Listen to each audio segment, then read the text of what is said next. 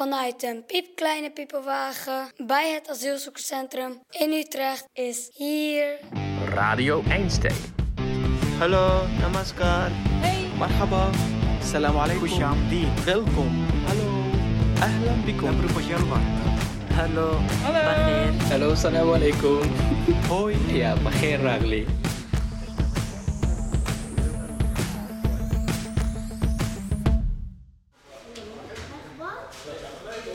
Het is maandagochtend, even na 8 uur. Terwijl Utrecht zich klaarmaakt voor een nieuwe werkweek, staan de bewoners van de Star Lodge noodopvang in de rij voor het ontbijt. Wat staat er op het menu, jongens? Ja, het is, eh, wat is het? Kipfilet met eh, een peertje, een eh, stroopwafel en eh, wat brood. De catering wordt verzorgd door Loft 88. Normaal gesproken is dat een restaurant dat zich naast het hotel bevindt. Maar voor de komende tijd verzorgen ze de maaltijden voor de opvang. En elke bewoner die ik hier spreek heeft een mening over het eten. De een is nogal teleurgesteld. I have uh, my daughter. She's uh, three and a half year. She lose the weight here. She don't eat this food. En de ander is dol enthousiast.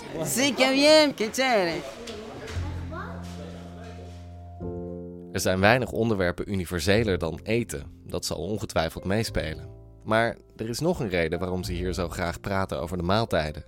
Want waar de meeste kinderen overdag naar school kunnen, is er voor de volwassenen behalve een paar losse activiteiten niet veel afleiding voorzien. En dan gebeurt het dus dat eten en nadenken over eten bovengemiddeld belangrijk kunnen worden.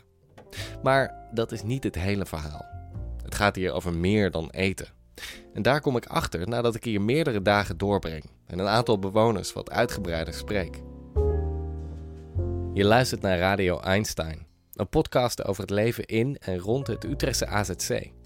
In deze driedelige Star Special vertellen we het verhaal van hoe de tijdelijke asielzoekersopvang in het Star Lodge Hotel tot stand kwam en hoe het er daar nu aan toe gaat. Dit is de derde en laatste aflevering. Welkom in de wachtkamer. Ik kan wel helpen met vertalen. Oh, wat goed. Dit is Ayoub. Ayoub is een van de woonbegeleiders van deze noodopvang.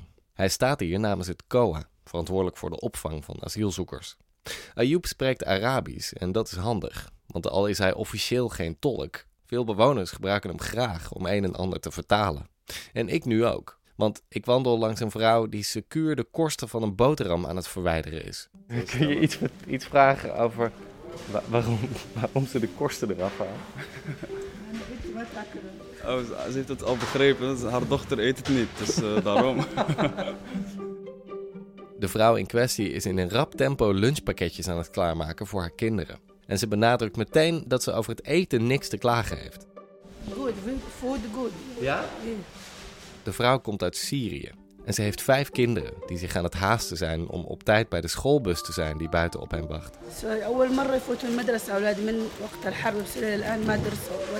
Het is de eerste keer voor haar kinderen dat ze naar school gaan, omdat ze daar oorlog hebben. De eerste keer? Ja, dus hier zijn ze pas echt begonnen eigenlijk. Met, eh, met, en, hoe oud is de, is de oudste? Kam Omar Akbar eh, Ibn 14 jaar. 14? Ja. En dat is de eerste keer dat hij naar school kan? Ja. Dat is voor ons niet voor te stellen. Nee, nee, nee, zeker niet. Hoe is het voor haar om te zien dat haar kinderen nu naar een school kunnen? كيف تشوفي الآن أنه الأولاد يمشوا للمدرسة؟ كيف آه، إيش آه، رأيك؟ فرحان أكيد يحبوا يتعلموا Dat is heel blij. Dat ze, dat ze mensen zien, dat ze dingen leren. Ja, ze is daar heel blij mee, zegt ze. Een van haar zoons roept ons van een afstandje toe. Ja, is het goed? Ik vraag hem wat hij het leukste vindt aan school. Wat is het leukste op school? Hij denkt diep na en zegt vervolgens... Docent. Docent. Docent? Leraar. Dan bedenkt zijn moeder zich ineens dat het bijna 9 uur is. De schoolbus staat op het punt van vertrekken. Dat zou erg zijn als ze door ons het schoolbus missen. Ja, dat willen we niet hebben. Ze is eindelijk blij dat ze naar school kunnen houden zo.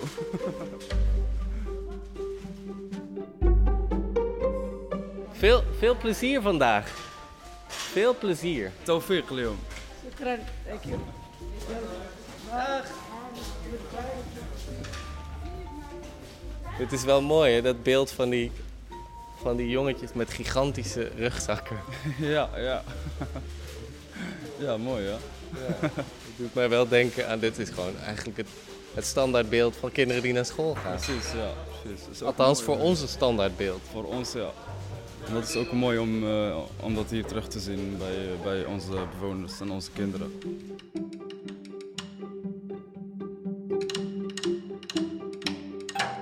De kinderen die, die kunnen nu naar school.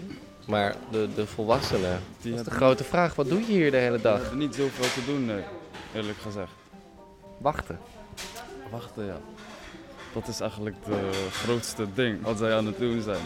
Hier en daar een beetje activiteiten, ja, maar verder niet echt eh, iets bijzonders.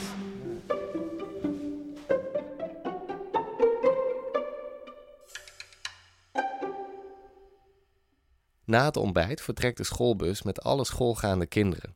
Daarna wandel ik naar de lobby van het hotel om te kijken of daar iets te beleven valt. Niet veel, zo blijkt. Al is het redelijk druk. Zo'n 25 bewoners zitten aan een tafeltje, drinken thee. Velen kijken naar hun telefoon. Twee jonge mannen zitten een potje te kaarten. Ik vraag ze wat voor spel ze spelen en ze proberen in verschillende talen en met handen en voeten uit te leggen wat ze doen. Maar we blijken niet één taal gemeen te hebben. Ze komen uit Koerdistan, zoveel begrijp ik. En zolang ze spelen, zijn ze vrolijk. Of althans, dat lijken ze. Verderop zit een vrouw met een roze hoofddoek in een plastic action tas te rommelen. Ze haalt er een grote kikkerpop uit. Er komt een vrouw bij staan met een babytje in haar handen dat plotseling hard begint te schreeuwen. Maar niemand lijkt onder de indruk van het krijzende kind. Een jongen van een jaar of 15, witte trui, bleek gezicht, zit achterover geleund aan een tafeltje, starend naar zijn telefoon. Zijn duim glijdt met duizelingwekkende snelheid heen en weer over het scherm. Ik vraag me af of hij niet naar school moet. En dan wenkt een man me om bij hem aan tafel te komen zitten. Hij draagt een iets te ruim zwart t-shirt met een groot Batman-logo. Are you a fan of Batman? Uh, actually, someone buy it for me. Really? Yeah, I have my friend. He he bring Batman, it. no? Yeah, it's Batman. Yeah. Do you want to uh, introduce yourself? Yeah, yeah, of course. Uh, my name is Aman. I'm from Afghanistan. Amman is 35. Hij vertelt dat hij sinds twee maanden in Nederland is. Niet lang, maar lang genoeg om te weten dat Nederland een geweldig land is. Yeah, everything is good. Uh, actually, we love the people. They are very respectable people, friendly people. Always we seeing the smile. They always smile us, so everything is good. De wallen onder zijn ogen doen vermoeden dat Amman weinig heeft geslapen sinds hij met zijn vrouw en kinderen Afghanistan moest ontvluchten. Alles hebben ze hals over kop moeten achterlaten. Yeah, yeah, it's very bad now. Now everything is bad. Amman had een goed leven. Hij runde zijn eigen zaak met vier filialen. Hij had drie auto's, een villa, vele kamers. Yeah, everything was very good. En dan, op een ochtend, krijgt hij een telefoontje. It was I just when I wake up, they said Taliban is on the way. Just run out. So we just we just take some money from the my uh, in home, telephones and some clothes. Then we just run out from there.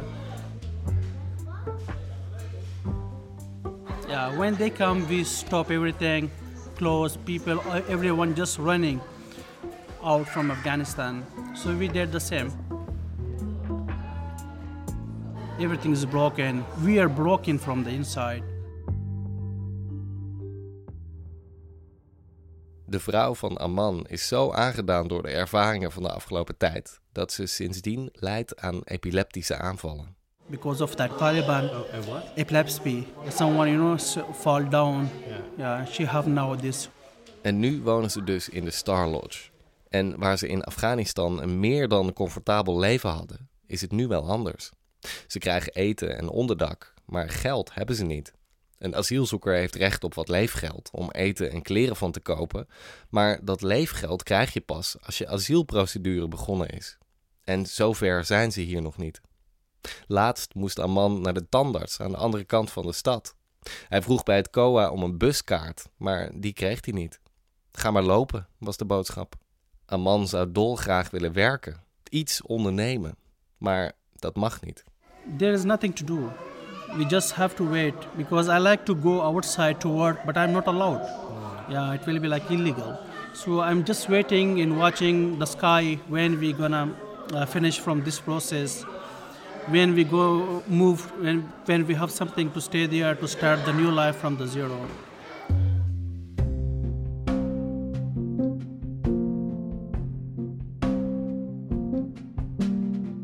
Dan komt de jongen met de witte trui naast Amman zitten. Hij is nieuwsgierig geworden naar ons gesprek. Hij spreekt geen Engels, maar Amman wil best vertalen. Nu pas zie ik dat hij een gehoorapparaat heeft. Hij biegt op dat hij stiekem wel blij is dat hij zijn gehoor kan uitzetten. Want het lawaai van de kinderen is hier soms niet te harde. yeah, of course, he's Arabian, yeah. He's Arabian. Yeah, he's from Syria, so he don't like the noise too much. Ik vraag de jongen waarom hij niet naar school gaat. Hij vertelt dat hij niets liever zou willen, maar er is geen plek. He said that since one month I'm living here. So I asked them to go school and I want to join the school. They say, okay, you need to wait. En dus is ook hij aan het wachten. They say that uh, when I came from the, my room, I stay here and I'm watching outside. I have no cycles to go outside. I have nothing to play.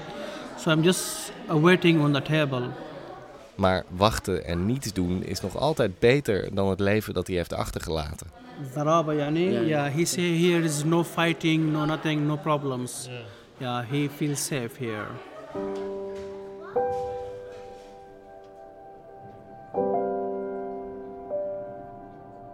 Van alle gesprekken die ik voer met de bewoners van deze noodopvang lijkt dit de gemene deler te zijn. De omstandigheden zijn alles behalve ideaal, maar hier is het veilig. Voor nu is dat het allerbelangrijkste. Bovendien hebben ze elkaar. When I see her first time, I run. You Eritrean? Yeah, okay, I'm happy. I'm safe now. Een jonge Eritrese vrouw vertelt me hoe dankbaar ze was toen ze na twee jaar rondzwerven hier aankwam en eindelijk een andere Eritrese vrouw trof. Een lotgenoot uit je eigen land. Dat maakt je leed toch weer wat draaglijker. Al zou ze graag wat vaker naar buiten willen gaan, maar ze heeft een klein kind. En hier zijn geen voorzieningen voor kinderen. Geen crash, maar ook geen speeltuin. They are tired. It's not. It's not easy for children to be like this. Um, they are waiting two years like this. It's not good for mind or for everything. But we will stay. I don't know.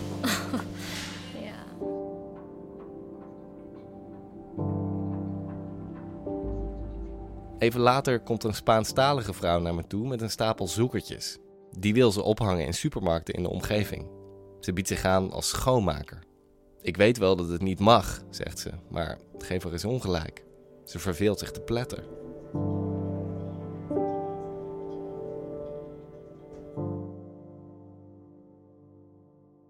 Hey, ¿todo, todo bien? Todo bien, todo bien. Later die dag kom ik in de eetzaal een oude bekende tegen. Het is de Colombiaanse Laureano uit aflevering 2. Hij is een baken van positiviteit en lijkt over alles enthousiast. Ha sido una semana llena de bendiciones. Diana. Llena de bendiciones. bendiciones. Sí.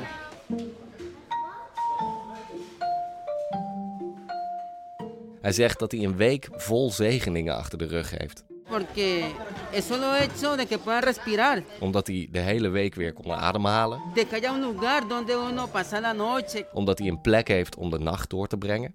Omdat hij hier met zijn familie mag zijn. Como una habitación con la familia. En terwijl hij zijn bord vol schept met pasta bolognese, noemt hij nog een zegening: het eten. La comida. Otra bendición.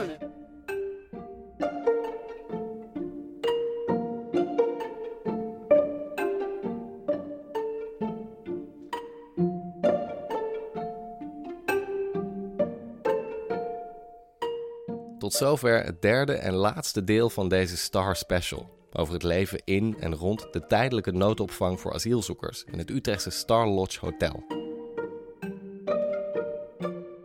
Volgens de planning zal de Star Lodge noodopvang vanaf mei weer gewoon het Star Lodge Hotel zijn. Al wordt er in de wandelgangen gefluisterd over een mogelijke verlenging. Maar wat het ook mogen zijn, het lot van de bewoners is onzeker. Waar ze hierna terechtkomen, dat moeten ze nog maar zien. Of en hoe lang ze in Nederland mogen blijven, dat is totaal onzeker. Maar ga er maar vanuit dat ze voorlopig nog wel even vastzitten in de wachtkamer.